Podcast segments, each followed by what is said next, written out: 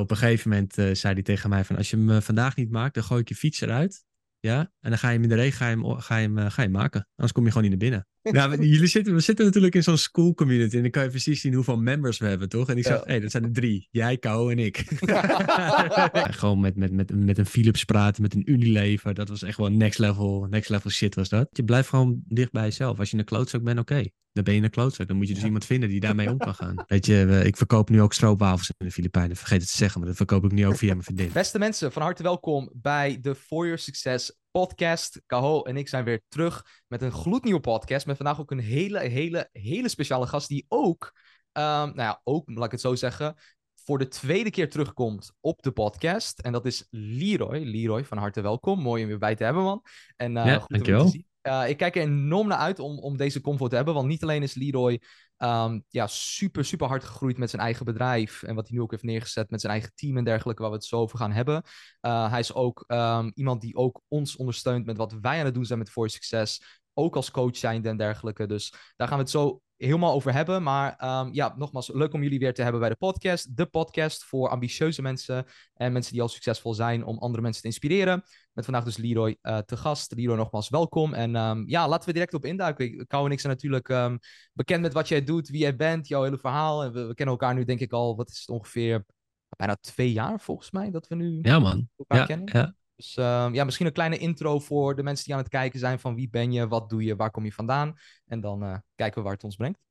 Ja, dat is prima. Maar nou, in ieder geval bedankt weer dat ik erbij mocht, uh, bij mag zijn. In ieder geval de eerste ja, podcast slash Q&A vond ik hartstikke leuk. Maar toen zat ik wel ergens anders. Toen zat ik in de Filipijnen destijds. Ja, ja. Ehm, nou, daarover, daarover te praten. Mijn naam, mijn naam is Leroy.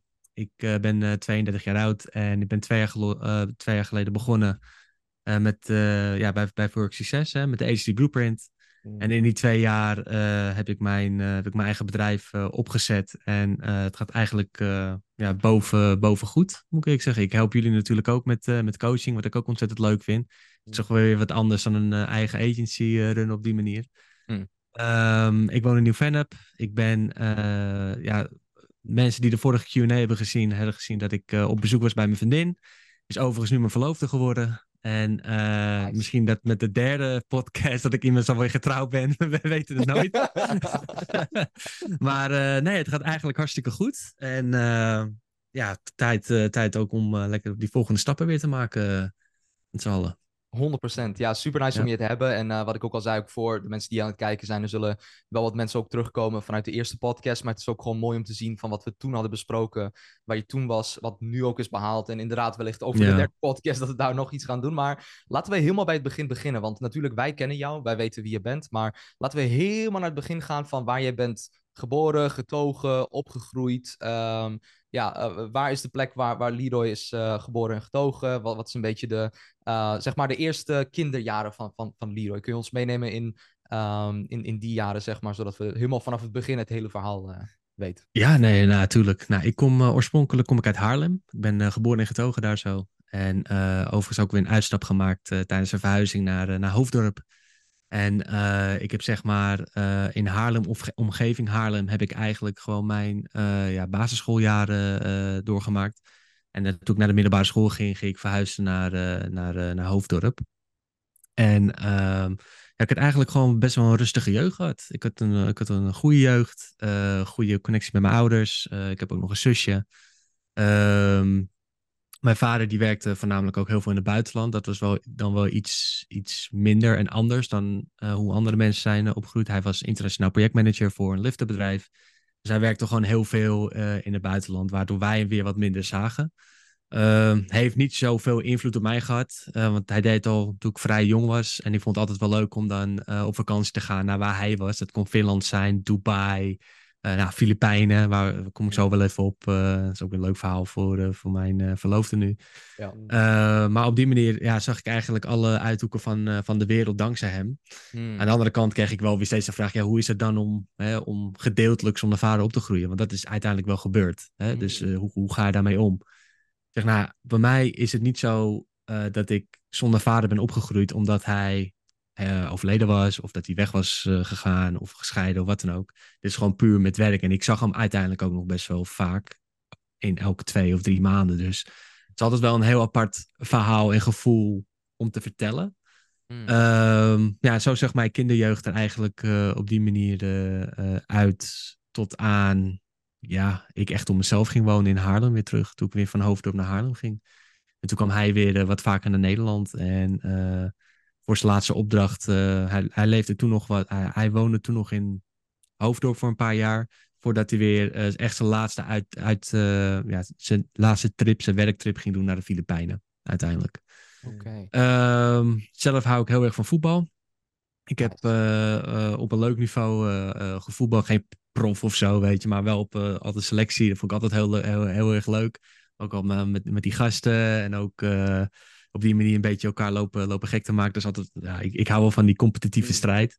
Ja. Merk je vast nu ook wel, hè, als wij uh, met een klant bezig zijn of wat dan ook. Ja, het moet altijd zo, het moet altijd even beter, het moet gewoon ja. conversie. En nou, dat heb ik eigenlijk, met, uit die mentaliteit heb ik dat gehaald. Mm. Heb in het verleden heb ik een sportopleiding gedaan. Daarna ben ik commerciële economie gaan studeren. Dus uh, van sport naar iets heel anders. Maar wel uh, leuk om weer te combineren. Want dankzij ook weer die sportopleiding uh, kan ik presenteren, ik kan uh, leuke gesprekken voeren, sociale vaardigheden zijn op die manier weer hoog gaan. Wat ook weer goed was voor mijn commerciële economieopleiding. En ehm, ja, wat wil je nog meer weten? Oh, ja, toen was ik, toen, toen ik in Haarlem woonde, hè, om daar mee af te sluiten, toen ik in Haarlem woonde, nou hartstikke leuke jaren gehad daar zo. ik woonde toen, toen nog met mijn ex daar.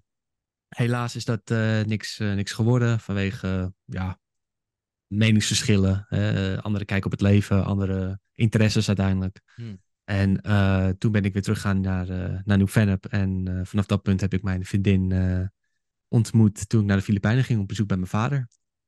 God dus ja, ja, toen kwam de coronapandemie er nog ook nog even lekker tussen zitten. Ja, hè? anderhalf jaar nog niet, niet gezien. Ja, ja, ja. Dus ja, ja, maar in die, in die tijd, dat heeft ook wel weer geluk gebracht. Dat ik in die tijd wel mijn business kon bouwen. Want ja, uh, alles was dicht. Hè, weet je, het online, de online space, het groeide, groeide als een malle.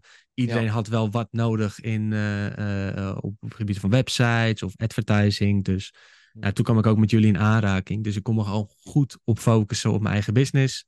En toen de pandemie, of tenminste de, de, de lockdown wegging, en ook in de Filipijnen, maar die was zes keer zo streng zie je zo. Ja. Uh, ja, kon ik weer uh, naar mijn vriendin toe. En dan ben ik daar gewoon eigenlijk verder gaan bouwen aan mijn bedrijf. En dat, is het, nou, dat vond ik het mooie aan dit hele businessmodel. Daar, daar, daar, daar, heb ik daarvoor gekozen. Geld is lekker, maar de vrijheid is nog lekkerder. Tuurlijk.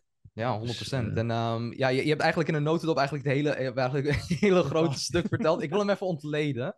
Tuurlijk, ik, wil, ik wil even een stapje terug helemaal naar het begin. Want hoe, hoe was hoe was jij als kind zijn? Was jij echt een rustig kind? Dus als we bijvoorbeeld naar een klaslokaal, als we aan een klaslokaal denken, was jij, was jij dan zeg maar een kind die in de klas zat en helemaal vooraan zat en altijd uh, actief was of vragen stelde of praten? Of was je meer het rustigere eh, kind, zeg maar, die, of, of een beetje een mix daarvan? Of, of hoe, hoe was Leroy als, als, als kind zijn?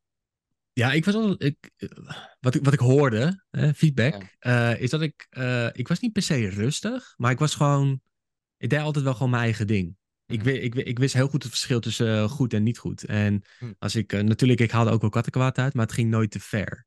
Aha. En als mensen, als kinderen dan in de klas heel hard zaten te praten of druk aan het doen zijn, dan distancieerde ik me altijd wel een beetje daarvan af. En de andere keer was ik, ja, deed ik weer wel gewoon mee. Dus het ligt er een beetje aan.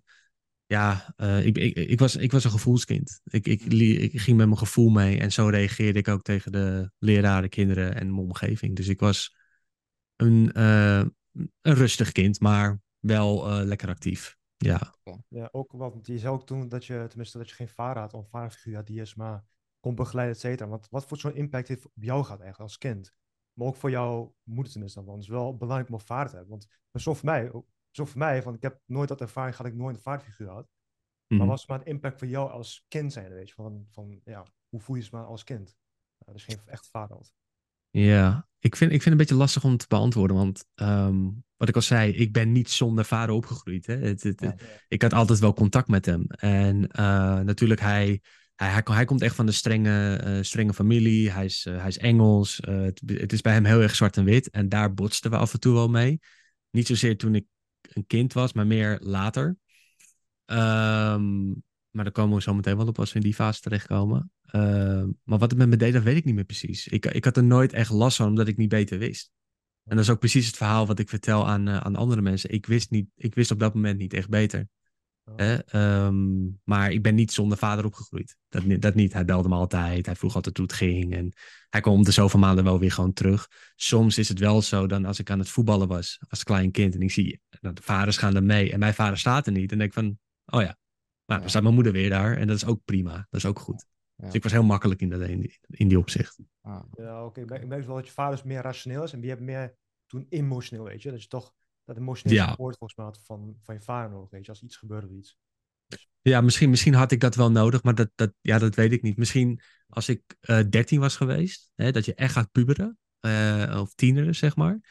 Dat je dan wat meer eh, eh, ja, emotionele support van je vader zou kunnen gebruiken. Hè, want die gaat je nog op bepaalde, bepaalde dingen. Het kan vanaf scheren zijn tot over, eh, eh, eh, ja, over seks hebben met, eh, met mij. Want ja, in die fase kom je toch wel. klopt. Ja, dat had ik wat minder, natuurlijk. Maar heb ik daar iets in gemist? Dat, dat, dat, vind ik iets, dat vind ik moeilijk om uit te leggen, moet ik zeggen. Want ik weet niet beter.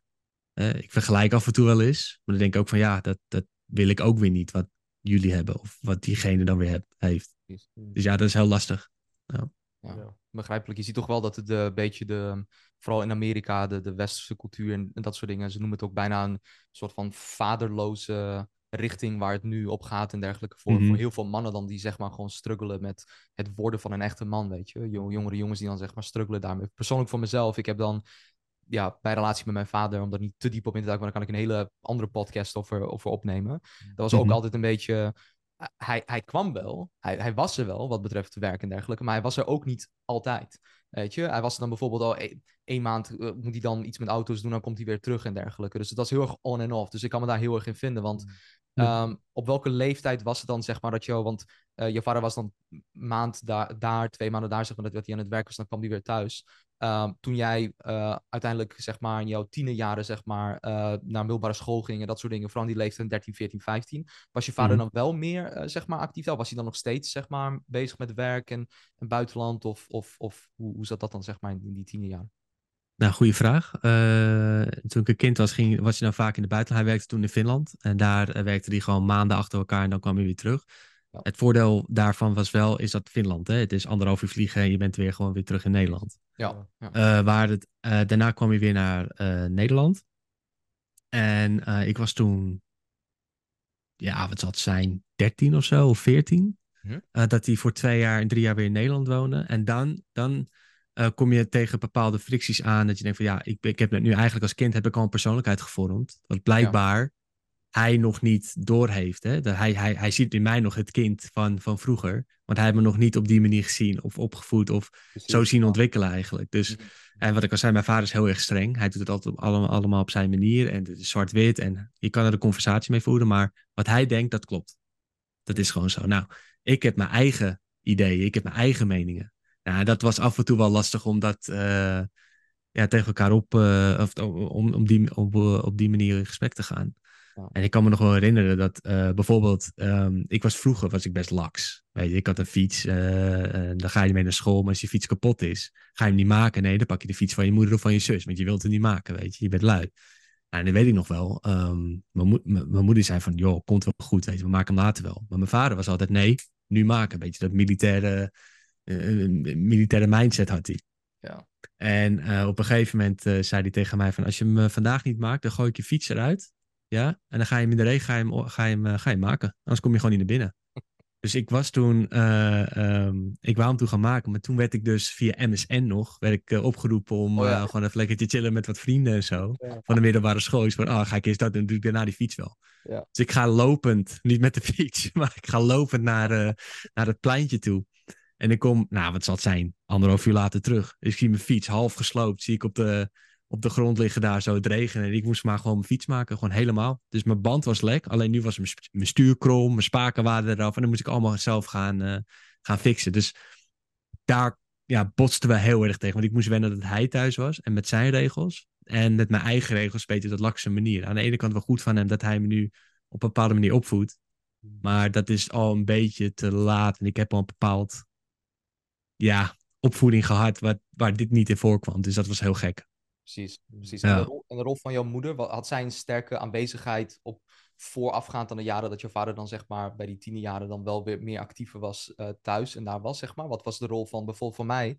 mijn moeder, omdat mijn vader dan vaak uh, uh, weg was of op werk of wat dan ook. Nou, mijn moeder ook een beetje uh, de mannelijke rol in, in huis, als het ware. Omdat voor mijn zusje en voor mij dan, zeg maar, om die aansturing ook aan ons te kunnen geven. Want, weet je, voordat je gewoon een, in, in die zin dat je een vaderfiguur hebt en dergelijke. Dus ik kijk naar haar op als, zij was en mijn moeder en mijn vader in bepaalde situaties. Mm -hmm. En die steun en toeverlaat voor eigenlijk alles. Was dat dan, nam jouw moeder ook zo'n soortgelijke rol in, zeg maar? Want je had natuurlijk wel een combinatie van dat je vader wel natuurlijk terugkwam ja. uit land en, en dat soort dingen allemaal. Maar hoe was, hoe was de rol van jouw moeder? Was, was, ja, maar ik heb, ik, heb, uh, ik heb een ongelooflijk sterke moeder. En uh, die heeft het gewoon hartstikke goed gedaan, weet je. Die, die werkte gewoon fulltime. En uh, in de tussentijd uh, zorgde ze natuurlijk ook voor ons, ons naar sport te brengen, wat dan ook. en af en toe ook, kijk, een vader, als, ik weet niet hoe jouw vader is, maar mijn vader, als iemand, met mij als, kind, als iemand mij als kind pestte en zo, mijn vader ging gelijk op af, zelfs nu nog. Hè, als, ik, als ik nu bijvoorbeeld voor klootzak word uit, ik weet niet of ik mag zeggen trouwens, maar als een flapdrol wordt uitgescholden of zo, ja. weet je, dan uh, komt mijn vader en die gaat er gelijk bovenop zitten. Nou, dat, dat pakte mijn moeder wel over van mijn vader. Die zat er wel gelijk op als ik, want ik rood haar, sproetjes, weet je. Ik was, ik was een makkelijk doelwit voor heel veel mensen. Mm. Nou, daar zat ze wel gewoon echt gewoon bovenop, dat wel.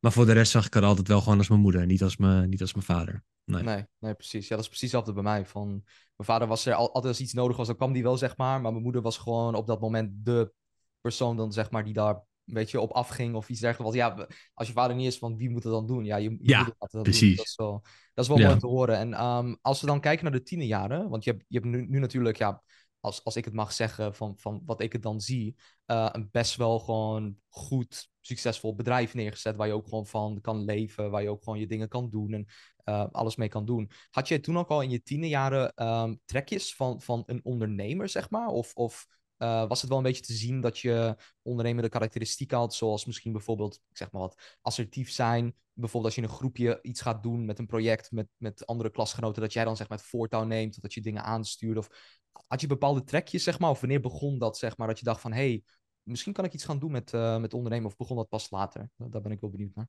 Um, ik had altijd wel de trekjes als ik iets leuk vond, dat ik gelijk het voortouw pakte. Dus als ik echt iets leuk vond en ik geloofde erin, dan, dan deed ik het ook echt. Maar als ik het niet leuk vond, dan deed ik het ook absoluut niet. Dus ik was, heel, ik was heel, eigenlijk heel efficiënt. Vroeger, nice. als ik het niet leuk vond, nice. deed ik het niet. Als ik het leuk vond, deed ik het. En dan ging ik er ook gewoon 100% voor. Ja. Ondernemen heeft altijd wel in mijn achterhoofd gezeten, maar uh, uh, nogmaals, mijn vader die gelooft daar op die manier niet in. Die is heel pessimistisch erover, weet je. Die zegt meer van, joh, je moet naar de school, je moet dit, je moet zus en zo. Dus op die manier volg je je vader zijn wens dan om toch die school af te doen. Maar altijd met een gedachte in mijn achterhoofd van ja, weet je, ik zie mezelf niet voor een baas werken. Ik heb, het, weet je, ik heb voor werkgevers gewerkt, vind ik prima. Maar het ging altijd op een of andere manier, was ik het er niet mee eens. Of uh, ik denk van ja, voor wie doe ik het nou? Doe ik het nou voor jou? Doe ik het nou voor mij? En toen dacht ik van, weet je, ik moet gewoon voor mezelf gaan beginnen. En dat had ik al drie jaar van, van, tevoren dat ik al überhaupt uh, met de HC Blueprint begon. En uh, ik, zoek, ik, ik, ik, wist alleen nog niet precies wat. Uh, e-commerce, ja, wat, wat wil ik verkopen? Waar, waar heb ik passie in, weet je? Ja. Ik weet het niet. En uh, toen zag ik ook, ja, ik ben meer dienstverlenend ingericht. Ik wil graag mensen helpen. Nou, dat, dat, heb je al een paar keer tegen mij gezegd ook, in de community zelf. Dat ik graag mensen wil advies geven, helpen. Hoe kan ik ze beter maken? Um, en toen dacht ik van, weet je, ik kan ook gewoon bedrijven helpen met iets wat zij nodig hebben. Dat kan sales zijn, dat kan marketing zijn, dat kunnen websites zijn. En ik ben ook best wel creatief uh, daarin. En toen uh, inderdaad gekozen voor een marketingmodel. Oké, okay, helder. En, en dus die, die sportopleiding, hè? Om, om daar nog ja. op te taken, die, was, dat, was dat een HBO-opleiding, zeg maar? Of was dat dan een, of wat voor, wat voor soort opleiding deed je dan, zeg maar, wat betreft die, die sport? Ja, dat was gewoon MBO, MBO 4. ROC was in Leiden, was het toen. Ja. Okay. Okay. Uh, en daar heb ik toen mijn uh, sport, uh, sportopleiding gedaan. Afgestudeerd als sportmanager en coördinator, niveau 4 of zo. Dus weer een mooi opstapje naar het HBO. En um, eigenlijk met dezelfde gedachte dat ik het leuk vond om mensen, om mensen te helpen hè, in, in hun doelen op sportgebied toen destijds. Ja, heel servicegericht. Ja. Ja, het is ook, ja, inderdaad, ja, inderdaad. Want ik heb zelf ook sport, sportkunde dan gedaan, zeg maar. Um, mm -hmm. En, en, maar, en dus ben je dan vanuit daar, vanuit die MBO, ben je daar ook naar doorgegaan dan zeg maar naar het HBO? Of ging je toen direct werken? Of wat was nee, ik ging gelijk door naar het HBO. Want ik had ook wel iets commercieels in mij. Uh, ik had natuurlijk uh, als, uh, als keuzevak had ik bijvoorbeeld sportmanagement. Nou, dat is een jaar hoofdvak door, door, door het laatste twee jaar.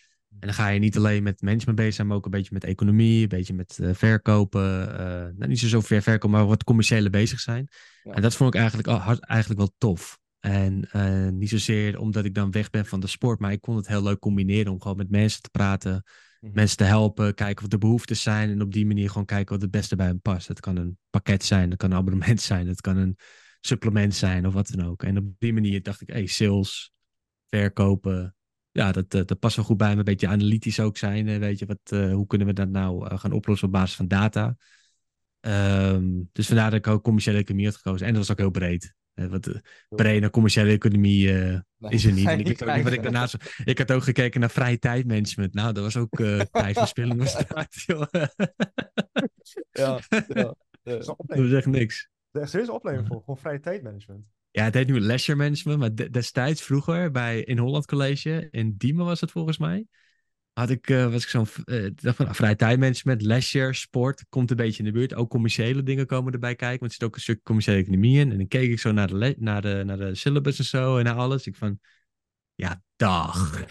wat ga je doen? Ja, ik studeer vrije tijdmanagement. En wat doe je dan? Ja, management iemand vrije tijd. Gaan we doen. Ja, nee, maar dus, je had al wel die, die uh, inderdaad die service-based, die dienstverlenende zaken wat betreft de, de commerciële instelling ook om, om daar iets mee te gaan doen. Want um, uh, tijd, tijdens die opleiding, zeg maar, had je dan, um, uh, ik neem aan, hoe, wat, wat was ongeveer je leeftijd? Want die opleiding heb je natuurlijk ook gewoon afgemaakt. Wat was toen zeg maar je leeftijd dat je ongeveer klaar was met, met die opleiding? Wat was...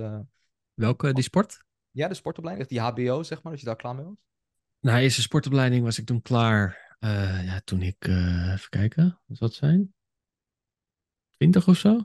20? 21, 20, 21? 21. Ja, ik, ik, op dat, in dat jaar haal ik mijn motorrijbewijs, dus ik was 21 toen. En uh, ik was toen iets van 25, 26 toen ik die HBO-opleiding had afhad. Ja? Oké, okay, got it. En ben je toen uh, fulltime gaan werken? Wat was toen je eerste baan, zeg maar, wat je kreeg, zeg maar? Van, want in principe, um, ja, ik weet niet wanneer je dan exact begon met ondernemen, zeg maar, maar je was nog best wel een lange tijd, zeg maar, gewoon werkzaam in een uh, in een job, zeg maar, in een jobsetting. Ja, ja, ja. ja. Dus hoe ging dat nou, ik werkte, Nou, ik werkte eigenlijk, ik wist niet precies wat ik wou gaan doen. En ik had een bijbaan als sportleraar bij een naschoolse opvang van uh, goede vrienden van mijn ouders in Haarlem. Dus ik eigenlijk wat ik deed is gewoon naar die naschoolse opvang en ik gaf gewoon uh, kinderen, of les aan kinderen. ja, op het gebied van sport. Dan vond ik zich wel leuk, want je had heel veel diversiteit in, die, in kinderen qua motoriek, qua sport, qua mentaal. Uh, ja, toestand wil ik niet zeggen, maar gewoon het mentale was ook heel anders. En vond ik altijd wat leuk om, uh, om progressie daarin te zien. Maar het is niet iets wat ik wou gaan doen voor de rest van mijn leven natuurlijk. Dus ik ben toen uh, gaan kijken naar recruitment in de makelaardij. we zochten het commerciële economie, een beetje de dienstverlenend ook. Um, toen ben ik ook nog daarna naar een technische detacheerder gegaan als junior account manager met een traineeship dat ik heb gedaan daar zo. Ook anderhalf jaar gedaan. Toen wou ik weer terug naar de sport. Ja, ik heb, ik heb echt van alles gedaan. Ik wist gewoon niet wat ik wou. Dat is een beetje het punt. Ik heb ook nog sport, sport, eh, sportsupplementen verkocht. Nou, dat was hem helemaal niet. Dan moest ik met een auto langs uh, alle sportscholen met wat uh, dingen in mijn, in, mijn, in mijn achterbak. En op die manier gewoon een sportscholen verkopen. Gewoon demo, ja, hier uh, wat over vertellen. En hopen dat ze ooit een keer ja zeggen. Ja. Dat was een dingetje. Um, daarna weer terug naar de Kroepman gegaan. Uh, voor sportmanagement. Ik heb ook nog in de event, evenementenwereld gezeten bij Studios Aalsmeer hier zo. Waar toen destijds goede tijden, slechte tijden en zo werd opgenomen en zo. Ja. En uh, daarna ben ik echt in de SaaS, of uh, weer recruitment, maar daarna echt SaaS. Dus echt de, de software kant op gegaan. En dat vond ik echt wel tof om te doen. Dat was echt wel high-ticket sales en appointment setting en uh, gewoon met, met, met, met een Philips praten, met een Unilever. Dat was echt wel next level, next level shit was dat. Wow. En dat vond ik op zich wel tof om te doen. Want je hebt met, met één sale, dat duurt vaak zes maanden. En je moet praten met allemaal verschillende stakeholders en zo, weet je. Dus je leert echt, echt gewoon hoe je bepaalde appointments zetten, closing, uh, strategisch consultancy en dat soort dingen. Dat vond ik echt wel tof om te doen. Wauw, laat, laat, laten we daar verder op inhaken. Want uh, ja ik, ik hoor grote namen. Echt gewoon, ja, weet je, als je praat over Philips en, en dat, dat soort namen, dat zijn wel echt de big dogs. Dan denk ik dat ik dan die, inderdaad die corporate bedrijven waar je dan met 40 verschillende mensen moet, moet praten om dan uiteindelijk tot een close te kunnen komen. Ja. Um, neem ons mee, misschien de, als je daar iets natuurlijk over kunt zeggen, van wat, wat, is, wat is de grootste deal die, die je toen destijds hebt, uh, hebt, hebt, binnengehaald. Heb je daar een, een, voorbeeld van of wat dan ook? Voor, voor de mensen die kijken, dat ze denken van wauw, van dat is wel echt...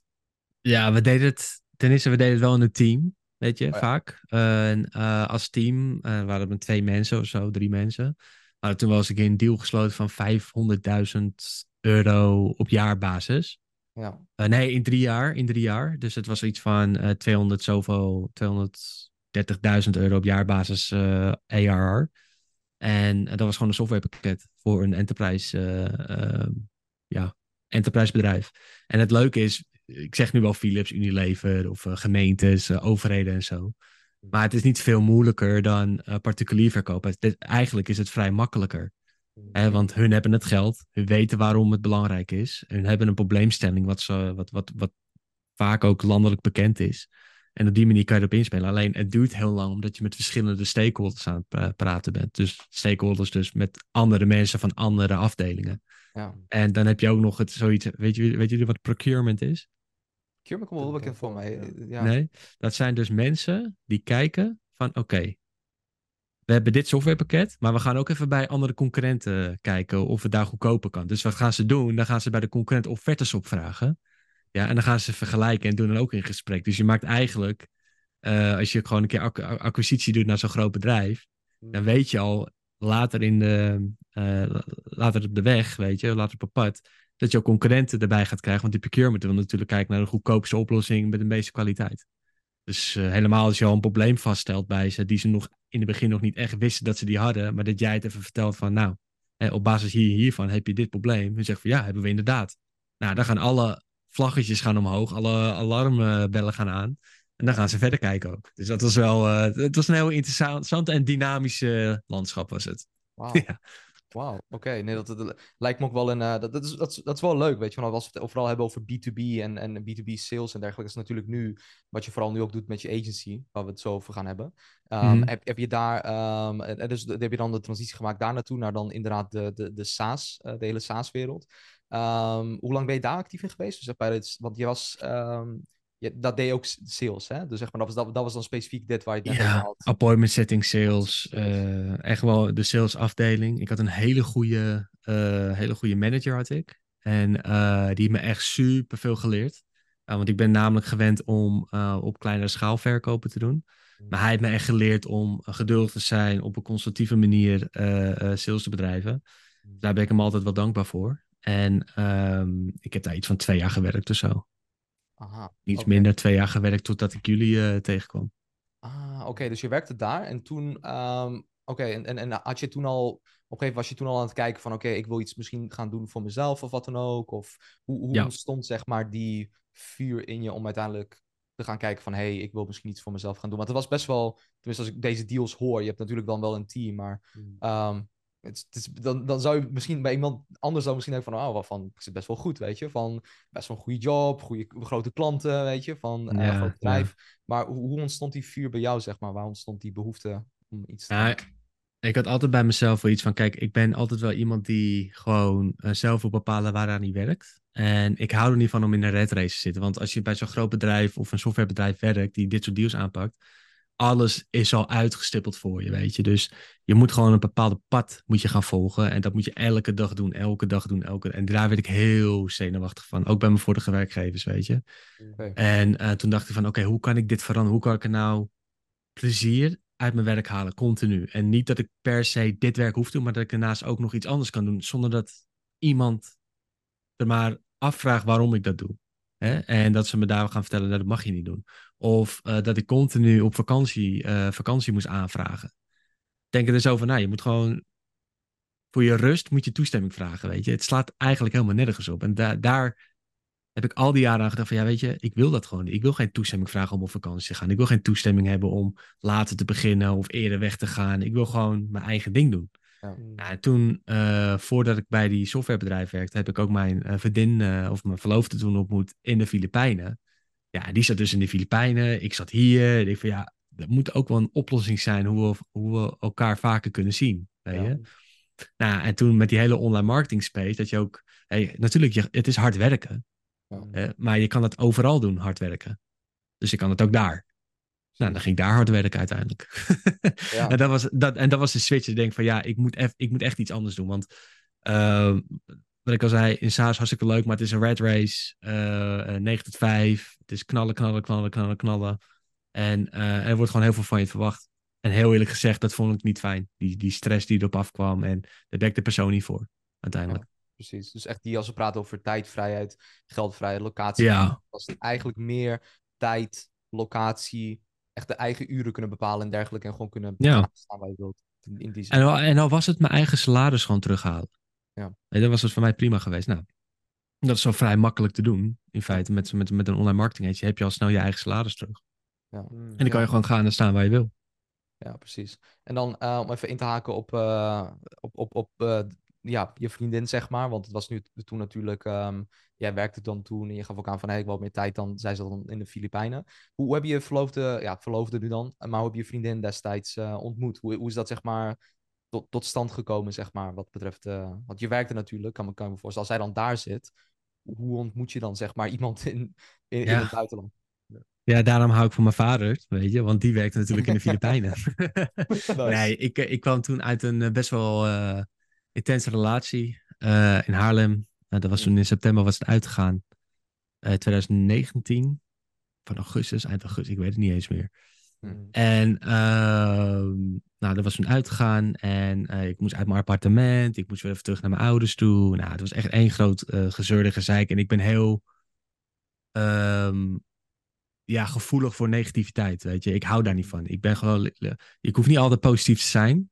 Weet je, maar zoveel negativiteit op je, eh, boven je hoofd hangen. Ja, dat, vond ik, ik- ja, dat, dat voelde gewoon niet goed. En ik zeg niet dat het door haar komt. Het was gewoon de situatie in het algemeen. Want mijn ex, weet je, die een topmeid. Weet je, eh, heeft zeker de leuke kanten. Maar we zagen gewoon vaak dat wij gewoon vaak niet matchten in heel veel dingen. Nou, moet je ook accepteren.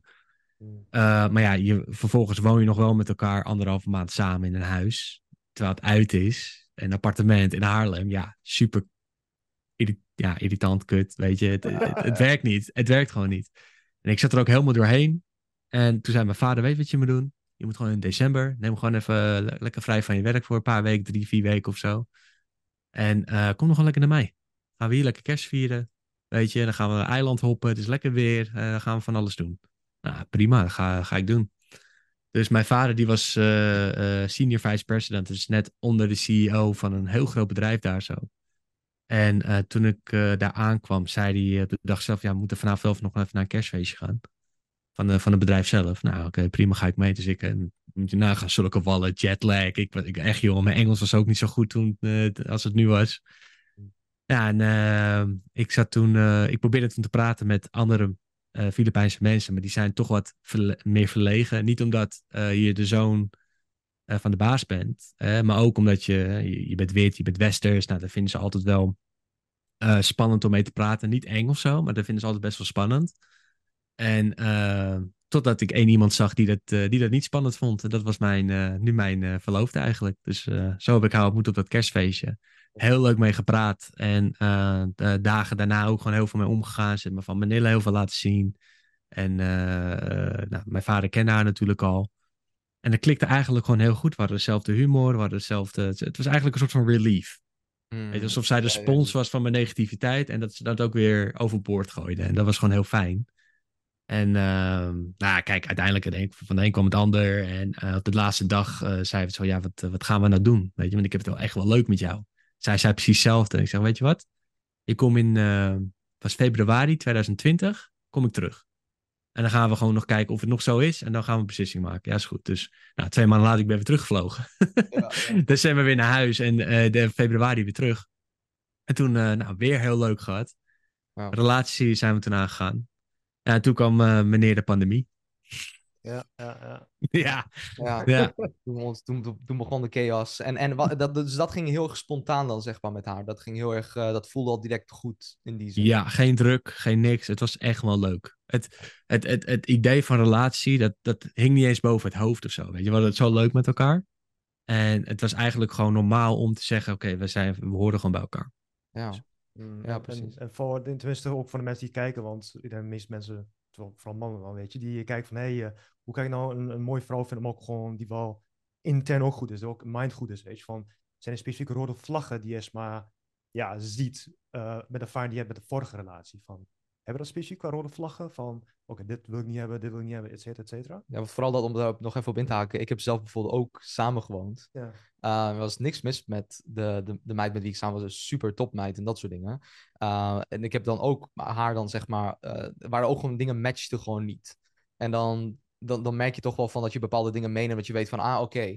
Um, dan wel niet is het een succes geworden wat betreft de relatie. Maar ik heb wel dingen geleerd die ik meeneem in mijn, in mijn toekomstige relaties. Dus inderdaad, om in te haken wat Kao zei van... Ja, zijn, waren er bepaalde dingen dat je dacht van... Hé, hey, dat, dat, dat, dat wil ik niet... dat wil ik niet hebben, zeg maar, in mijn toekomstige relatie. Ja, ik was... Ik was um... Kijk, een rode vlag bij mij is niet, is, is niet iets van uh, karaktereigenschappen. Want als het een karaktereigenschap is, dan weet je van gelijk al van nee, dit is hem niet. Ja. Hè? Um, bij mij is het meer een rode vlag van als, het, um, als je echt totaal anders denkt. Dat is voor mij een rode vlag. Want dat gaat in de toekomst gaat het niet goed.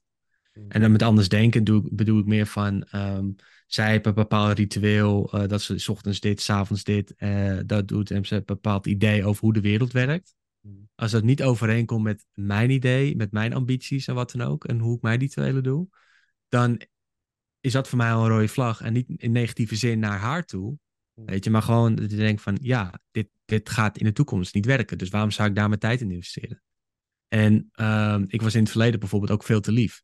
Hè? Alleen maar ja, alleen maar goed, uh, accepteren. Ook als ze een uitval had, weet je. Iedereen heeft een uitval. Ik vind het een beetje onzin zeggen dat alleen vrouwen uitval hebben. Of uh, dat vrouwen heel erg uh, bitchy kunnen zijn of wat dan ook. Maar je laat dat toe. Dat is het hele punt. En op een gegeven moment dat je er wel iets van zegt, want je wordt comfortabel met elkaar, dus je durft ook wat meer tegengas te geven. Als je op dat moment tegengas geeft, dan is dat raar in haar ogen. Want ja, je vond het altijd goed, dus waarom ga je nu zo doen? Dan heb je daar weer discussie over. Dus blijf vooral dicht bij jezelf en wat je kan accepteren en wat je absoluut niet kan accepteren. Want als je iets niet kan accepteren en je ziet dat vaker in de ontdekkingsfase van de relatie, eh, voordat je nog uh, een relatie aangaat, dan moet je bij jezelf gaan kijken, oké, is het de rode vlag voor mij of niet? Dat heeft niks te maken dat ze af en toe naar uit de hoek kan vallen, want dat, dat, doen we allemaal. Dus iedereen wel een keer een klote dag. Je weet nooit wat er is gebeurd die dag daarvoor of uh, wat voor bagage ze meeneemt in het begin. Ik zal daar niet zozeer naar kijken, maar ik zou meer kijken hoe verschillend zijn we nou. En als we heel verschillend zijn, dan is dat voor mij een rode vlag. En dan is het, joh, bedankt, dankjewel. Misschien vrienden, ja, we gaan het zien, maar uh, dan uh, ga ik verder kijken. Ja, dus je moet gewoon dicht bij je eigen ambities zitten. Ja, dat vind ik echt interessant. Je hebt ook zo van ongeveer hetzelfde als mijn verhaal. Want ik had toen ook een relatie toen, dus ook verbroken, ik ben ook single. Dus je hebt dan, je hebt dan een, uh, een goede vriendin, weet je, of tenminste nu verloofd dan. Van mij mm ik heb, ben single, weet je, maar ik had dat hetzelfde ervaren, want het is mijn eerste relatie toen. Geen zo leuk en aardig, gewoon één, twee jaar zo leuk. Weet je, de feelings, weet je, van de feelings pakt dan je mind over en dan je denkt niet de rode vlag meer na, weet je. Ja. Um, ik ontdek dat pas op mijn derde, of tenminste de, de, de, de tweeënhalf jaar dan, van oh, er zijn dingen die toch verschillend zijn qua routine, qua de mindset, qua wat ze wil in de toekomst, uh, wat die kinderen, niet kinderen, uh, huisboom een beestje, et cetera, et cetera. Was wel ongeveer hetzelfde in die, in die zin, of niet? Ja. ja, ik denk het wel. Ik denk, denk ook wel dat het iets van, uh, mannen zeggen altijd, ja, ik ben, ik ben nu anders nu het uit is of wat dan ook. Nee, je bent hetzelfde. Jij bent anders in je relatie en dat moet je nooit doen. Hmm. dus je moet het eigenlijk een beetje omdraaien. Hè? Je ziet mensen altijd weer uitgaan direct. Hè? Compensatiegedrag, dit, dat, zus, zo als het uit is. En, maar blijkbaar ben je zo altijd al geweest. Ja, ja. En uh, nu wat je nu doet, het extra uitgaan en uh, achter mij aan gaan of wat dan ook. Nou, blijkbaar heb je dat nodig om, jij denkt, om over je vriendin heen te zetten. Ja, maar eigenlijk ben je altijd al zo'n persoon geweest die gewoon heel vrij is en heel veel uh, leuke dingen wil gaan doen of wat dan ook. Alleen dat is dan niet gebeurd omdat je dan een relatie had. Dus je bent veranderd voor je relatie. En daar, moet en daar, daar gaat ik ook, andere mensen, iedereen gaat daar de fout mee in. En het zou mooi zijn, want ik ken ook koppels, echt goede vrienden van mij, die zijn altijd hunzelf gebleven. En dat werkt supergoed. Die zijn nu tien jaar bij elkaar. Natuurlijk, ze hebben hun dingetjes, weet je. Iedereen heeft hun, uh, heeft hun akkefietjes en wat dan ook, weet je. Maar dat hoort erbij. Ja. maar ze, ze, ze, blijven altijd hunzelf. Ja, dat vind ik gewoon mooi om te zien. En uh, ik denk dat dat een beetje het verschil is.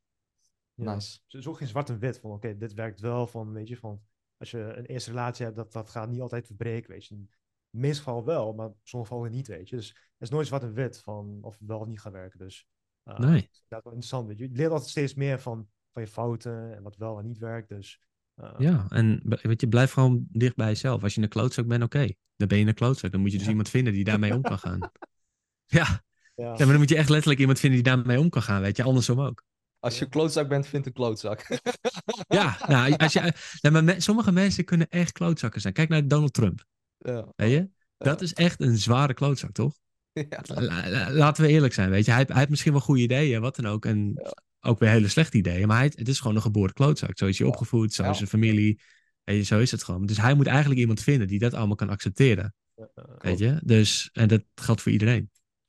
Daarom. Ja. Ook, ook, je, ook je boundaries of je standaard gewoon niet omlaag zetten van een vrouw is een vrouw, weet je. Want dan de meeste mannen ook, tenminste, heb ik ook mezelf ervaren van, hey, je, je doet dan dingen voor, voor de relatie of doe je dingen voor de, voor de vrouw. Maar dat moet je juist niet doen, weet je.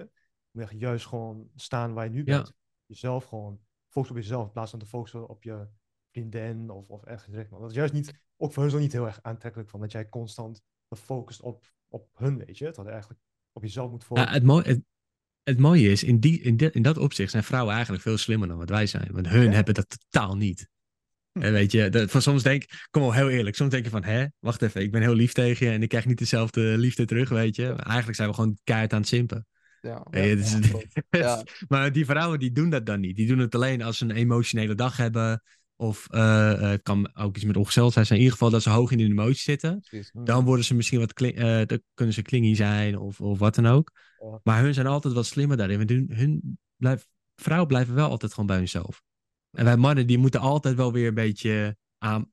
Dat doen we zelf, hè? Dat moet niet van hun. Ja, Maar dat ja, doen we zelf. Om, om maar gemogen te worden van ze. Om toch maar te laten zien, ja, op deze manier ben je gewoon verliefd op mij geworden. klopt. Dus ja, 100%. dat, het is bizar. Het is bizar hoe dat gaat.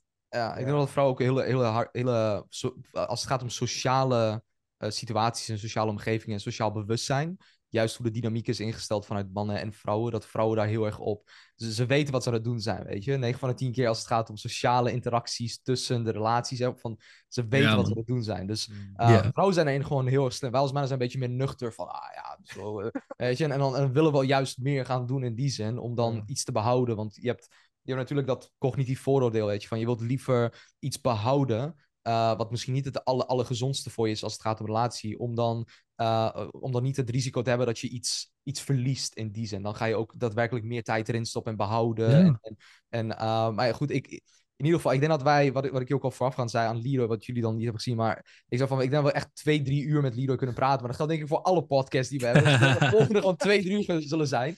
Um, dus, dus we moeten door naar de volgende topic. Um, Ja. Februari 2020. Uh, was dat het jaar dat jij was begonnen um, met jouw agency? Of was dat het jaar... Want ik weet dat je bij ons um, in 2021 bent gejoind, zeg maar. Dus, dus was je toen al in dat jaar begonnen dan, zeg maar, met, met, met een agency of met een bedrijf? Of was dat pas echt het jaar daarna?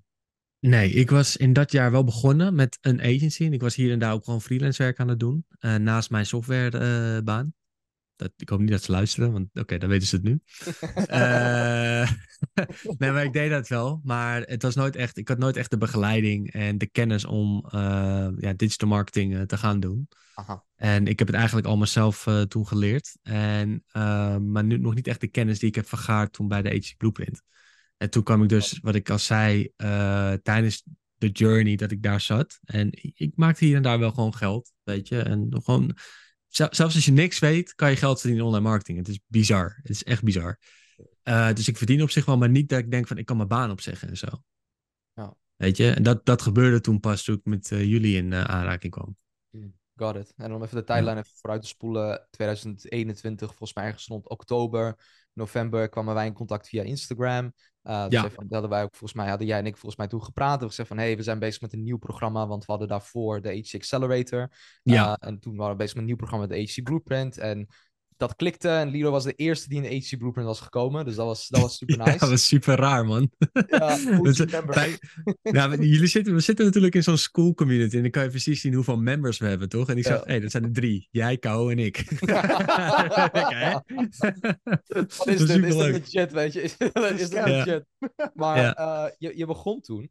En ik, ik kan me nog herinneren dat jij, um, volgens mij binnen een paar maanden, zat jij, uh, want jij koos de niche uh, SaaS-bedrijven. Dat, dat was ja. volgens mij waar je mee was begonnen. Ja. En uh, ik kan me herinneren dat jij toen op een gegeven moment zei van... Hey guys, ik ben nu een maand, twee maanden bezig. Drie maanden, of ik weet niet meer hoe lang het was. En je zei van, ik heb ik heb 40 gesprekken gehad. Ja, ik heb niemand geclosed. Van, ja, hoe kan dat, weet je? Dus ehm, praat ons bij, hoe, hoe ging die, eh die, die eer, ja, ik noem het de eerste fase als het ware, de eerste niche, de eerste progressie die je maakte. Hoe, hoe ging dat? Nou ja, kijk, ik moest natuurlijk een keuze maken wat ik nou wil gaan doen. En eh, Facebook ads had ik niet zo heel, veel gevoel voor. Niet zozeer omdat het moeilijk is, maar meer gewoon van, ik vond het niet leuk om te doen. Heel eerlijk, weet je. En ik wou toch wat richt- meer richting de SaaS eh, gaan, omdat ik de markt, ja, die markt kende ik. Ik weet wat ze nodig hebben. Mm. En dan zie je toch wel vaak dat met Google ads en dat soort dingen daar best wel veel om gevraagd werd. Dus ik denk van, ah, weet je, ehm, ik wil graag Google ads doen. eh Team voor Succes is als jullie me daarmee kunnen helpen, graag. Jullie zeiden van, ah, ga eerst maar klanten vinden. Ga eerst maar je verhaal doen aan. Oh, oké, nou, doe ik maar. En ik ben echt zo'n loyaal paard ben ik dan. En dan ga ik gewoon bellen ook.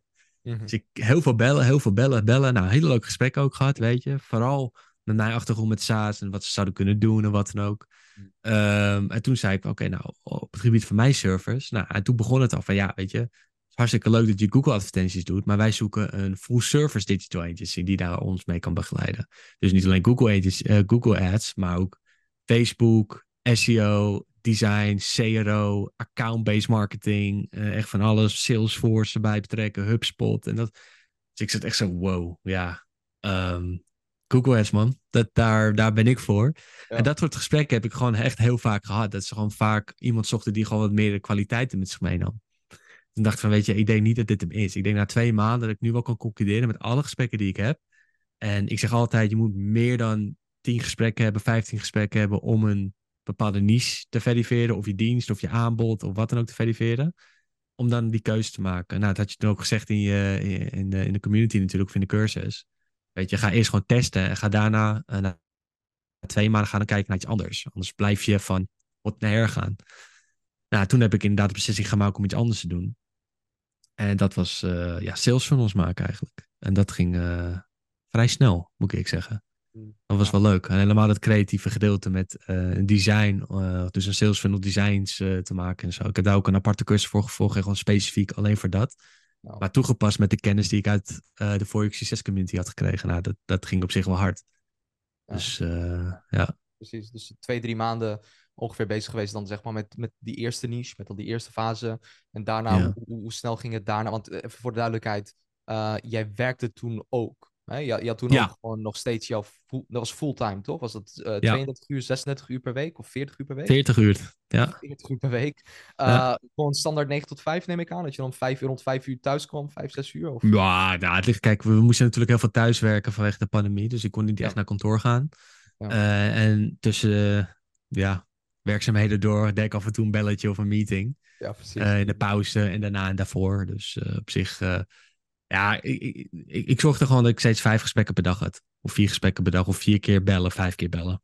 Oké. Cold calling. En e-mail marketing gaat, gaat heel makkelijk, kan je op automatische piloot zetten. Dus die gaat gewoon door, Precies. zelfs als je slaapt.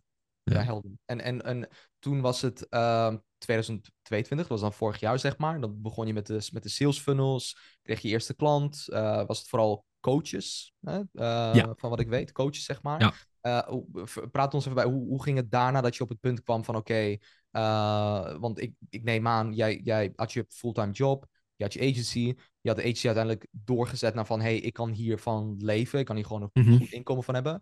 Hoe lang duurde dat dan, zeg maar? Dat je daarmee was begonnen, eerst een paar klanten had, dat je op het punt kwam van hey, nu kan ik misschien ietsjes minder gaan werken en meer tijd gaan besteden aan, aan mijn agency. Ja, dat was toen ik naar de Filipijnen ging voor de eerste keer na anderhalf jaar. Hmm. Eh, of na twee jaar eigenlijk. Dat was eigenlijk, ik was toen al begonnen met mijn agency en ik had toen eh, bijna mijn eigen salaris, eh, kon ik gewoon maandelijks terugverdienen uit mijn agency toen. En toen ben ik in mei 2022, mocht ik eindelijk weer naar de Filipijnen gaan. Ehm, en ja, was ik een maand daar. En in de maand dat ik daar was gebleven, kon ik ook gewoon werken. Ik verdiende nog gewoon steeds geld. En toen dacht ik van, ik ga aan de slag nemen, want dit, dit, dit, dit, dit is het. Ja. Weet je, ik kan gaan en staan waar ik wil niet per se dat ik een digital nomad wil worden, maar ik kan gewoon zelf bepalen waar ik werk. En het voelt super lekker aan.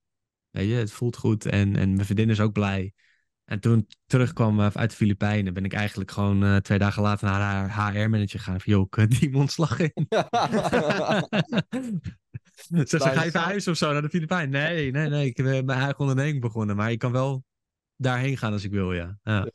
Ja, super nice. Dus je had, je had eh, van, vanuit februari 2021 tot aan mei 2022 was je niet naar de Filipijnen geweest, ongeveer. Nee, dat mocht niet. Nee, Nee. hè? Oké, Nee. dus je hebt je vriendin ook an- bijna dan anderhalf jaar niet, niet gezien dan, zeg maar. Nee, onze dates waren ook heel romantisch, ja. Van, eh, zo, eh, dit, dit, ja. Ja, ja, maar ik, had, ik had me wel kunnen focussen op mijn werk en zo, weet je. Dus Op zich, het, het, het was te doen. En alles was toch dicht, dus ik had ook niet de mogelijkheid om andere mensen te ontmoeten.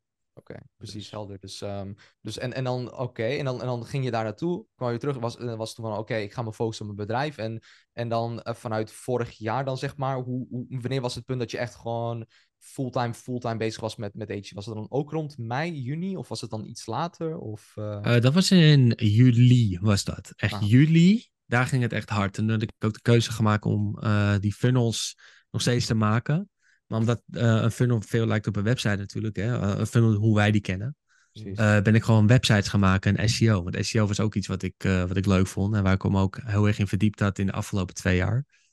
En daar ben ik toen echt in gaan, in gaan groeien. En toen ging het eigenlijk vrij hard. Werk van architectenbureaus, van coaching consultants, af en toe een bouwbedrijf.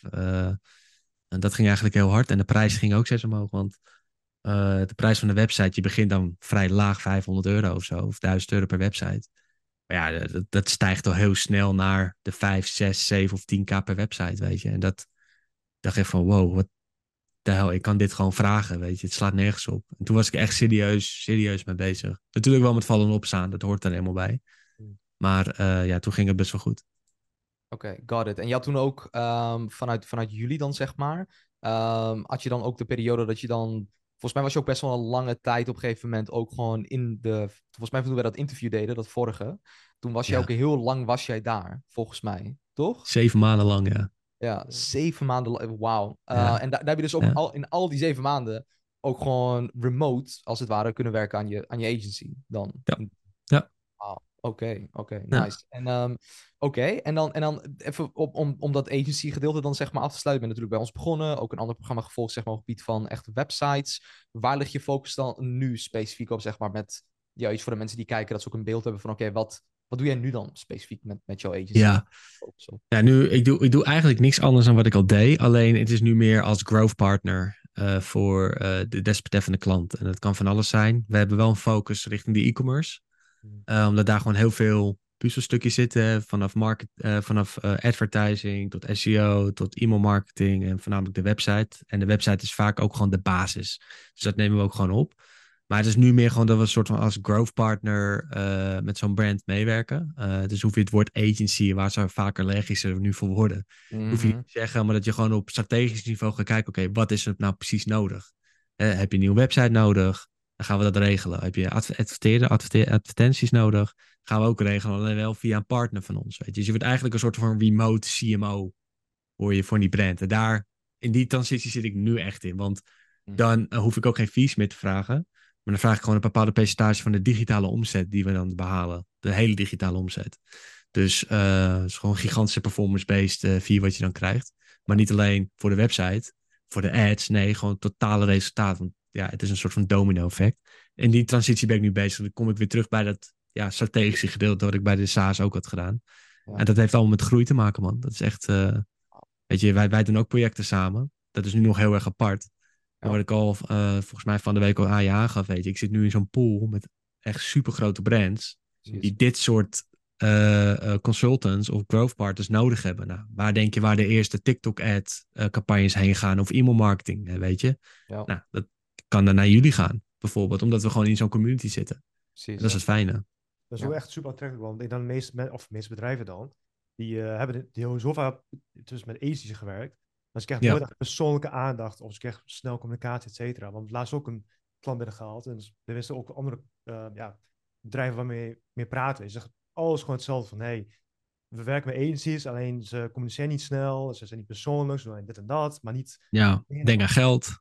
Ja, alleen maar geld, weet je. Dus het is Ja. niet echt dat partners, growth partner, van hey, als we jou zoveel helpen, maar groeien wij ten eerste, maar jullie groeien ook super hard, weet je. Omdat Ja. wij zoveel werk voor je leveren. Dus dat is ook zo'n transitie die we ook zien bij heel veel agencies, die waar we ook maar ja, studenten van hebben in Blueprint, et cetera.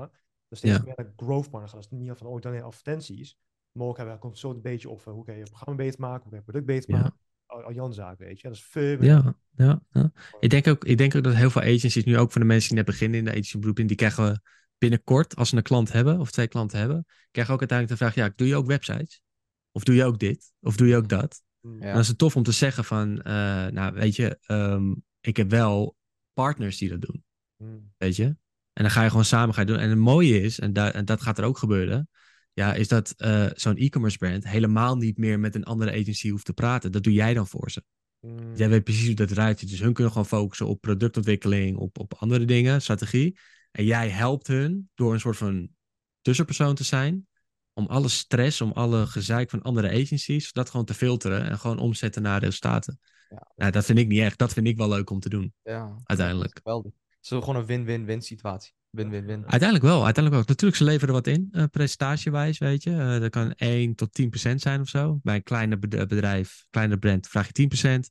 En bij een multinational vraag je 1 procent. Ja, 10 procent van een multinational, dan krijg je wel heel veel... Dan ben ik klaar met werken. Want je weet hoeveel om, ze omzet uiteindelijk. Maar het Ja. waren gewoon een 1 tot 3 procent of zo. En dan ben je gewoon een CMO. Een, een, remote CMO.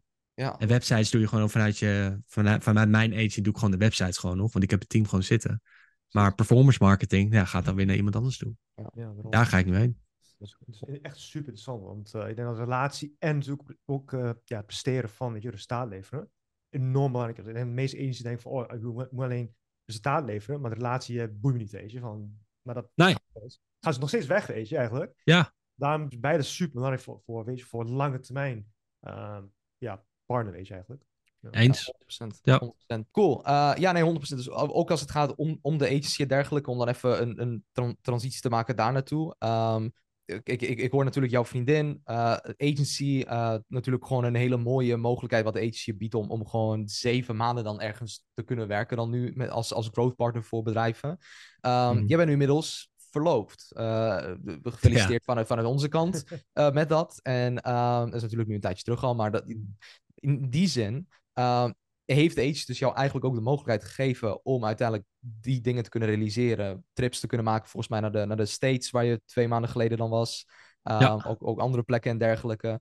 Ehm, dus als we, als we dat dan even allemaal combineren. eh, wat zijn dan een beetje nu jouw. Wat is nu jouw vooruitzicht wat betreft de, de aankomende periode? Wat zijn nu. eh, wat zijn nu echt jouw. Want jij wou, wou natuurlijk toen, vooral met de tijd. Eh, dingen kun je zelf kunnen bepalen, uit de rat race komen, dingen nu kunnen zetten. Nu heb je een verloofde, nu heb je allemaal mogelijkheden en dergelijke die voor de hand liggen. Wat Ja, zijn dan ja. nu de ambities? Wat zijn dan nu de, de, de doelen, zeg maar, voor de aankomende periode? Hoe ziet de aankomende periode eruit? Laten we zeggen de aankomende paar jaar. Heb je daar nagedacht? Of, of zie je het dag bij dag? Ja, zeker. Zeker, zeker, zeker.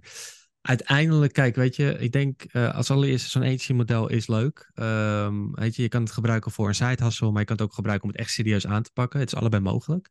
Nou, ik heb er nu gewoon voor gekozen eh, om het serieuzer aan te pakken. Hmm. En eh, in de komende drie, vier jaar wil ik ook die persoon zijn die, waar e-commerce brands gewoon naartoe komen om te gaan partneren, uiteindelijk. En niet zozeer omdat ik alle kennis heb, weet je, maar ik weet gewoon heel veel processen nu. En ik weet gewoon dat ik heel goed ben met communiceren naar andere agencies en wat ze. eh, en dat, dan, dat te gaan filteren uiteindelijk naar de, naar de e-commerce brand toe. Dus ik wil eigenlijk die strategische growth partner zijn. En geen guru, geen consultant. Ik ga nooit een cursus maken of dat soort dingen. Maar in die richting ga je wel naartoe. Hè? Dat je wel de persoon wordt waar eh, grote e-commerce brands heen gaan uiteindelijk. Dus dat is mijn langetermijnvisie. Ik heb ook nog andere ambities. Weet je, ik verkoop nu ook stroopwafels in de Filipijnen. Vergeet het te zeggen, maar dat verkoop ik nu ook via mijn vriendin. Ik heb, een, ik heb een stroopwafelmachine daar neergezet. Ik heb ingrediënten daarheen ge- gescheept. Of sommige hadden ze al. En waar ze nu ook stroopwafels aan maken, verdienen we nu ook iets 1200 euro netto. Want je betaalt bijna geen belasting daar zo. Dus dat doen we nu ook. En weet je, ik weet niet hoe dat gaat lopen. Ja. Ik ken eh, bijvoorbeeld een Nederlander daar zo, die heeft zijn eigen café. Die verkoopt patatje oorlog daar. Het smaakt niet naar patatje oorlog, maar die doet het wel. En heel veel Filipijnen zijn er gek op. Dus die richting wil ik op. Ik wil nog ook iets in de e-commerce, zoals jullie weten. Ja. eh, wil ik ook nog wel wat gaan doen. Dus ik heb ik, de vrijheid om te weten van... Oké, ik kan eromheen van mijn hoofdambitie, wat ik echt wil. Hmm. Daaromheen heb ik ook nog zoveel andere dingen en kansen die ik, eh, die ik wil aanpakken. Wauw. Dus eh closen van deals vind ik natuurlijk vind ik bijvoorbeeld ook leuk. Dus merchant acquisition zou ik ook heel tof vinden. weet je? precies. Breed schaal aan, aan zaken. En, en Ja. zie je zelf dan straks in Nederland wonen met, met je eh, ja, toekomstige vrouw? Of, of zie je dan, of buitenland, of Filipijnen? Of heb je daar ook al over nagedacht? Of hoe, hoe zie je dat voor je? En hoe ben je van plan dat te, com- ja, te combineren dan in die zin? Want je kan natuurlijk overal vanaf de wereld werken. Uh, Ja. Maar waar zie je jezelf een beetje ja, settelen straks? Nou, ik denk uiteindelijk dat de thuisbasis wel Nederland blijft worden. Eh, maar alle inschrijvingen worden allemaal in de Filipijnen gedaan. Dus bedrijf, alles erop en eraan, wordt gewoon daar gedaan. Maar ik wil wel gewoon wo- hier wonen. En dat heeft puur met eh, ja, belasting te maken natuurlijk. Eh, maar ook gewoon met de, met, met, ja, de, de Filipijnen is zo'n tof land, joh. Het is, buiten Manila is het echt een tof land. Eh, het is mooi, de mensen zijn aardig, ze hebben niks, ze geven je alles mentaliteit. Ja. Ehm, eh, ja, het, eh, eh, zes om zes. Dus zes maanden hier, zes maanden daar. Wauw, Chill. oké. Ja, dat is Dat, geweldig. dat, dat, dat, dat, dat is het doel. En wat we dan met kinderen doen later, ja, dat, dat zien we dan wel weer. Weet je, maar nu, tot nu toe wordt de thuisbasis wel gewoon echt eh, Nederland met de vrijheid om weer terug te gaan naar de Filipijnen. Ja, Nice. want, want, want zie je zelf ook een eh, villa hebben in, de- in de Filipijnen? Of, eh, of een real estate? Ja, Of heb je al? Of heb je die Oh, al? we hebben die al. Nee, nee, nee, nee, nee, nee. nee. Kijk, mijn, eh, ik heb het geluk dat mijn vriendin eh, eh, goed is. Zijn, haar familie eh, zit, zit in de top 2, 1% eh, families daar zo. Dus daar, ik zit daar al goed mee. Weet je, ze hebben, eh, dat soort families hebben gewoon grote huizen, wat dan ook. Dus je gaat er al gauw in mee. Eh, maar wij boeit het niet. Ja, ik, ga, ik woon daar zes maanden, dan ga ik weer hierheen, weet je. Kijk, qua huis, het moet gewoon comfortabel zijn. Ik moet een goede wc hebben, ik moet een lekkere douche hebben. En dan ben ik blij. Dan ben ik, dan ben ik echt wel tevreden, weet je. Ik kan gaan sporten waar ik wil. Het moet veilig zijn, dat, dat ten eerste trouwens. Ja, Maar voor de rest maakt het mij niet zoveel uit. Echt niet. echt mooi. Je, je, je, je bent echt te bescheiden, man. Je bent echt te bescheiden. Ik dacht, Lamborghini, villa. Nee, man, nee, motor, nee, nee, motor nee, wel, toch? absoluut. Motor wel. Dat Motor wel vragen. ja, motor wel, motor Wat- wel. wat voor Gewoon motor een dikke? Harley. Harley. Davidson, Harley Davidson. Oké, dan- Ah. maar gaat die ook mee voor die zes maanden dan? Of, eh, of, of, of Nee, ik koop er daar ook nog eentje dan Oh, ja. natuurlijk. dat is het enige waar ik nog mee loop te flexen dan, weet je. Maar uh, voor de rest niks. nice, man. Goed. Afwisselen. Ja. Nou, Ja, ja, ja, ja. Nee, motor ben ik wel echt verslaafd aan. Nice. Eh, Ducati vind ik mooi. Eh, ehm, eh, ja, Harley Davidson die blijft mijn hoofdmerk, want dat vind ik gewoon het tofste. Heeft ook meer bekijks. En ja, voor de rest ben ik, ben ik vrij simpel. Het boeit me niet. Mijn vriendin daarentegen, die is wel anders. Die is ermee opgegroeid met al die luxe dingetjes. Maar dat is haar pakje aan. Ja, Oh, leuk. heb, je al, heb je al een motor of, of ga je die nog halen? Maar, voor, In de Filipijnen. Nee, gewoon voor jezelf. Heb, je in Nederland nog een motor of of heb je nog niks eigenlijk? Ja, hij heeft... eh, Ik heb een motor. Ik heb een motor. Oh, Ja, ja, ja. ja. Dag al. Ja. Kijk om Insta. Zie hem staan. Oké, ik ga zo zien. ja. Nice. Nice. Een naked bike. Lekker man. Helemaal, helemaal gecustomized en zo. Ja, lekker man. Super Nice. nice. Super nice. Leroy, ehm, ja, we zijn al natuurlijk een uur bezig, dus ik heb eh, een laatste eh, twee vragen zeg maar voor jou. Zo'n vraag die we Mhm. nu altijd willen stellen aan mensen die, die we te gast hebben, gewoon puur om te kijken van, hey, wat is dan één specifiek iets waar ze het meest trots op kunnen zijn als ze later oud zijn? Dus de vraag luidt, als je nu 80 jaar oud eh, zou zijn, eh, klop op hout natuurlijk, vanuit gaan dat gezondheid alles goed is en dat soort dingen, uh, en je kijkt terug naar je leven, wat is dan één iets dat jouw 80-jarige zelf enorm trots op zou zijn dat je hebt gedaan. Uh, en dat je, dat je bijvoorbeeld, vaak zeggen mensen van als je 80 bent, dan heb- hebben de mensen spijt, weet je, dat ze iets niet hebben gedaan. Uh, dat hoor je vaak dan, zeg maar. Wat, wat, zou, wat zou iets zijn waarvan jij zegt van, hé, dat, dat- daar zou ik wel trots op zijn dat ik dat heb neergezet. Kan natuurlijk ook iets in de toekomst zijn, maar wat is één of twee, wat zijn één of twee dingen waarvan je zou zeggen van, hé, hey, dat is iets wat ik denk van, oké, daar, daar is mijn 80 Ja, jaar ja, ja, ja. trots op straks. Ja, ik denk, ik denk mijn ehm, doorzettingsvermogen. Het kan eh, ehm, bedrijf, business-wise zijn, maar vooral een relatie. Weet je, ik, eh, ik, heb, een, ik, ik heb niet opgegeven. Ik, eh, ik ga altijd wel door. Ik weet wat ik wil en ik ben altijd bij mezelf gebleven daarin. En het heeft mij nu eh, geholpen eigenlijk. Dus daar zou ik persoonlijk in de privé het meest trots op zijn. Als ik iets kan neerzetten in de toekomst wat, wat, wat andere mensen of bedrijven helpt en dat, dat is succesvol, zou ik er ook heel erg eh, positief naar terugkijken als ik 80 was. Maar ik moet wel iets toevoegen. Dat, dat vind ik gewoon. Ik, ik, ik, hoef niet iets toe te voegen, weet je. Dat weet ik. Maar ik wil het. Ja. En als mensen dan me vragen, ja, maar je hoeft het toch niet te doen? Of eh, eh, een beetje, een beetje hoog van de kerkplaats. Nee, maar ik vind dat ik, ik krijg nou gewoon een fijn gevoel. En het, is, het is geen herkenning. Helemaal niet zelf. Maar ik geloof in wat je geeft, krijg je ook weer terug. Alleen hoeft niet precies in dezelfde vorm te zijn. Je krijgt het op een bepaalde manier gewoon weer terug. Dat kan negatief zijn of positief zijn. Oké, nee, Leroy, uh, we willen allereerst uh, enorm bedanken voor, voor de tijd die je hebt gemaakt. Je bent natuurlijk, uh, we, hadden, we hadden zoveel dingen waar we het over wouden, wouden, nog wouden hebben met jou. En ik denk dat we de volgende podcast drie motors naast elkaar gaan doen. drie microfoons gaan doen en lekker stroopwafels gaan eten. Terwijl we een mooie podcast aan het doen zijn. In de Filipijn op het strand. Op de Filipijn in het strand op slippers. ik, denk, ik denk dat dat de volgende podcast wordt in seizoen drie. Maar um, ja, ja, ja. ja ik, ik zou willen zeggen van, hey, laten we, als, als bijvoorbeeld bedrijven dit aan het kijken zijn en ze hebben een nieuwe uh, website nodig of een groeipartner nodig of in die zin, mm. Waar kunnen ze jou vinden? Wat, wat, wat zijn een beetje de, de, de plekken waar ze jou kunnen benaderen of de website, wat ze kunnen checken of andere dingen, zodat je ook even een, uh, een push doet, ook voor jezelf, mochten mensen dit kijken. Dat ja, ja, ja, tuurlijk. Ja, ze kunnen me altijd gewoon benaderen of via jullie, want uh, we hebben heel veel contact natuurlijk, hè. dat is eigenlijk vaak het snelste. Of gewoon naar mijn website hiluxmedia.com. Of op LinkedIn uh, Leroy Mearns, M-E-A-R-N-S intikken. En dan kom je vanzelf ook bij mij terecht. Dus dat is de snelste manier. Cool, alright, top. Nou, Leroy, ja. bedankt. Uh, thanks voor alles. En uh, ja, wat ik al zei, op naar die, uh, op naar die derde, derde podcast voor seizoen, seizoen drie. ja. hele waardevolle podcast. Ik hoop dat iedereen ook het waardevol heeft gevonden in die zin. En vanuit Kaho en mij zou ik zeggen, ja, hopelijk zien we jullie in de volgende podcast. Leroy, nogmaals bedankt. Ja, en ja, ook de kijkers bedankt voor het kijken. En we zien jullie in de volgende. Ja, jullie ook. Ciao. Dankjewel, man. Top. Yo, ciao. Ciao. ciao. ciao.